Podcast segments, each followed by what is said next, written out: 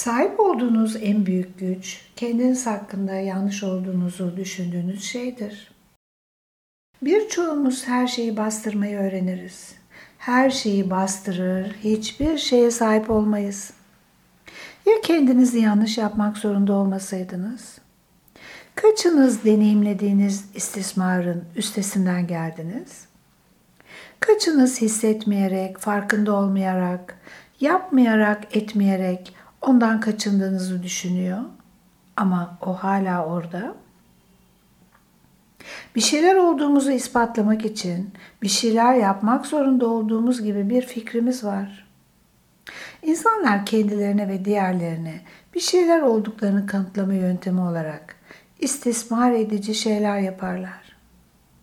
İstismarcıların çoğu bunu aslında çok fazla biçimde zayıf olduklarını hissettikleri zaman güçlü olduklarını kanıtlamak için yaparlar.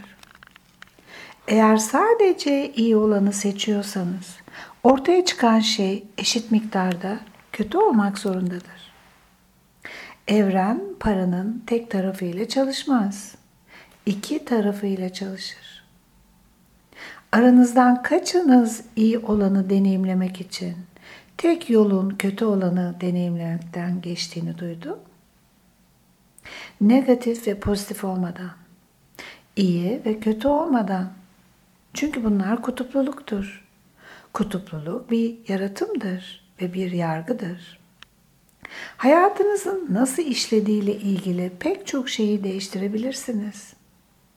Bu kutupluluktan, bu ironiden, bu çatışmadan çıkmaya gönüllü müsünüz? Eğer bundan çıkacak olursak, içsel savaşlarımız bitecek ve dış dünyada gördüğümüz tüm savaşlar sona erecek.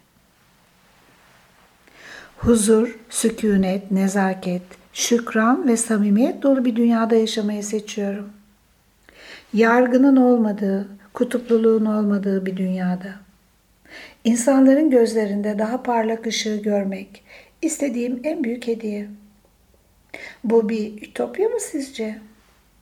O halde ben ütopyayı seçiyorum ve ütopyada yaşamanın imkansız olduğunu düşünenlere soruyorum. Yargının nesini seviyorsunuz? Kutupluluğun nesini seviyorsunuz?